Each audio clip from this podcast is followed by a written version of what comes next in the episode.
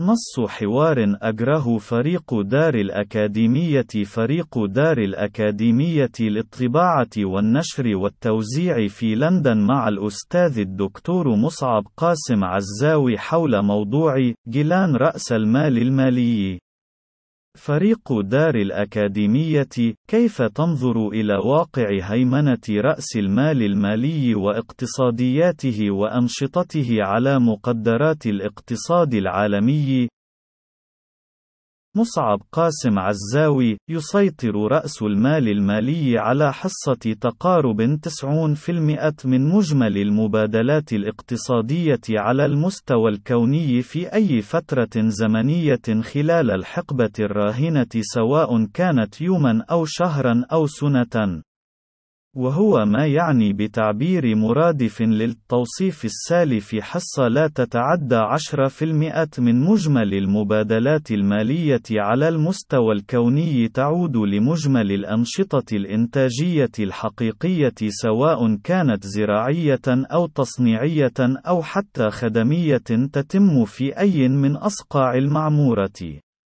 وهو واقع أعوج لا يمكن أن يفضي إلى أي نمو اقتصادي حقيقي حيث أن الرهط الأعظم من مكونات الثروة العالمية المعاصرة هي عبارة عن فقاعات خلبية من الثروة ناجمة عن المضاربات بأسواق السندات والأسهم والاستثمارات المالية غير الإنتاجية، والتي يمولها جميعها طباعة أكداس هائلة من الأموال في الولايات المتحدة ومن لف لفها من الاقتصادات الكبرى دون أي سند حقيقي إنتاجي في المجتمع يبرر طباعتها في المقام الأول، وهي التي لا تجد مخرجا لتصريفها سوى الدخول في عجلة رأس المال المالي الشيطاني، والانخراط بمضارباته البهلوانية في سوق السندات والأسهم، والقائمة ليس على معدل ربحية شركة ما خلال فترة سابقة، وإنما على التوقعات المستقبلية بمعدلات ربحية شركة ما في المستقبل، وهو شأن يصعب التكهن به حتى على أعتى الاقتصاديين كما يقر بذلك الاقتصادي بول كاروغمان الحائز على جائزة نوبل في الاقتصاد.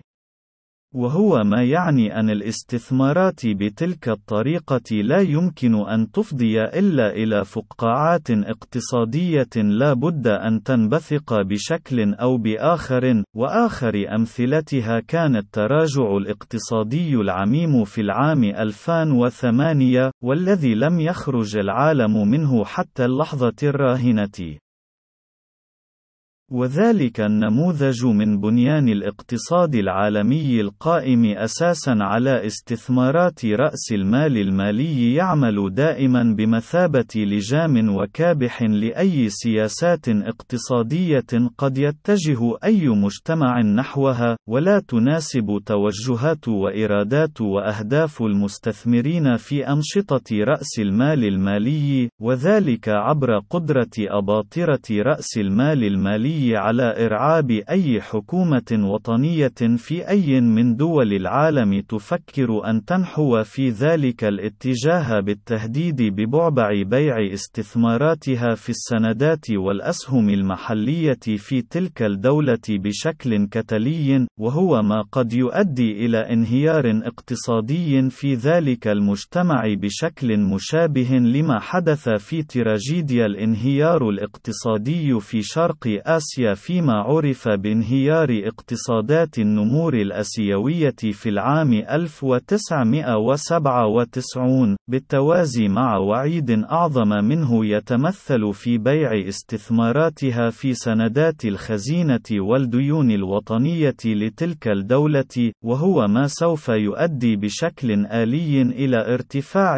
أسعار الفائدة في تلك الدولة بشكل صاروخي وهو ما يعني من الناحية الناحية الاقتصادية العيانية المشخصة ركودا اقتصاديا واستحالة تحقيق أي نمو اقتصادي ملموس نتيجة لشح السيولة المالية في المجتمع جراء ارتفاع معدلات الفائدة.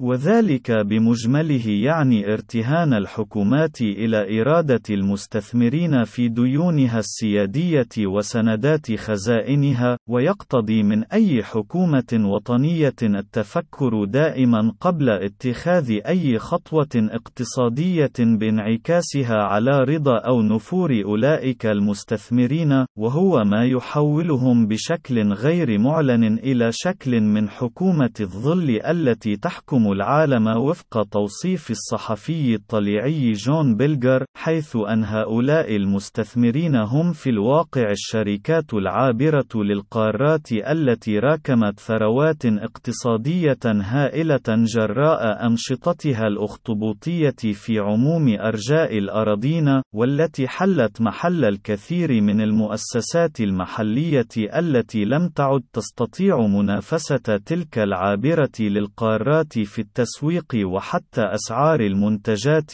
حيث أن كلف الإنتاج لا بد أن تتفاوت بين أي شركة محلية صغرى أو متوسطة وبين شركة عابرة للقارات، إذ أن تلك الأخيرة لا تدفع أي ضرائب فعليا في أي دولة تنشط فيها بالاستناد إلى حذلقات بهلوانية محاسبية يتم من خلالها إخفاء مصدر الثروة في كل فرع من فروع تلك الشركة وتمويهه على أنه دخل لفرع أخر في دولة أخرى، ومن خلال تحريك الأموال بين فروع الشركة القائمة في دول متعددة على هيئة قروض من شركة إلى أخرى لا تقتضي تكليفا ضريبيا، بالإضافة إلى حصول جل الشركات العابرة للقارات على تسهيلات استثنائية في الدول التي تنشط فيها من قبيل منحها أراضٍ للاستثمار عليها بشكل مجاني من قبل الدولة، بحجة أن ذلك الاستثمار سوف يخلق فرص عمل جديدة دون الالتفات إلى أنه سوف يعني إخراج الكثير من المؤسسات والشركات الصغرى والمتوسطة المحلية من سوق العمل لصالح الشركات العابرة للقارات، وهو ما يتم غض النظر عنه في غالب الأحيان نظرا لأن وكلاء الشركات العابرة للقارات يقومون بتصنيع الساسة وتمويل حملاتهم الانتخابية في دول النظم الديمقراطية الشكلية، أو ترقيع تجاوزاتهم وتلميع صورتهم في حالة النظم الاستبدادية، خاصة في ضوء تحكم الشركات العابرة للقارات بجل النظام الإعلامي الإعلامي العالمي سواء عبر ملكية رأس المال فيه، أو عبر صبيب إعلاناتها في مؤسساته والتي تمثل شريان حياة واستمرارية تلك المؤسسات. وفي المقابل من ذلك فإن قدرات المجتمعات على المقاومة والدفاع عن كينوناتها أصبحت محدودة إلى درجة الانعدام في الكثير من الحالات نظرا لما عانته تلك المجتمعات من تهشيم تاريخي تراكمي لبنى ومؤسسات المجتمع المدني فيها، وخاصة للنقابات كمنظمات حاضنة للاهتمامات ونقاط الالتقاء المجتمع المشتركة، وللجهود الجمعية الهادفة والساعية دأبا واجتهادا تنظيميا وحركيا في المجتمع لتحقيقها، وهو التهشيم الذي كان النتيجة المباشرة لاستئساد الرأسمالية بشكلها الليبرالي المستحدث خلال العقود الأربعة الأخيرة، والتي دمرت في سياق تغولها السرطاني جل مفاعيل دولة الرفاه واشتراطات الحريات الأساسية المستبطنة في جوهر الرأسمالية الكلاسيكية على نهج آدم سميث، وحولتها إلى نموذج بربري وحشي معولم منفلت من كل عقال أخلاقي أو قانوني أصبحت فيه الشركات العابرة للقارات كما لو أنها كيانات خارقة للعادة لا تسري عليها القوانين المحلية في أي من دول العالم، وفي الاختصام معها أفرادا أو مجتمعات فإنها الخصم والحكم والجلاد في أن معنا.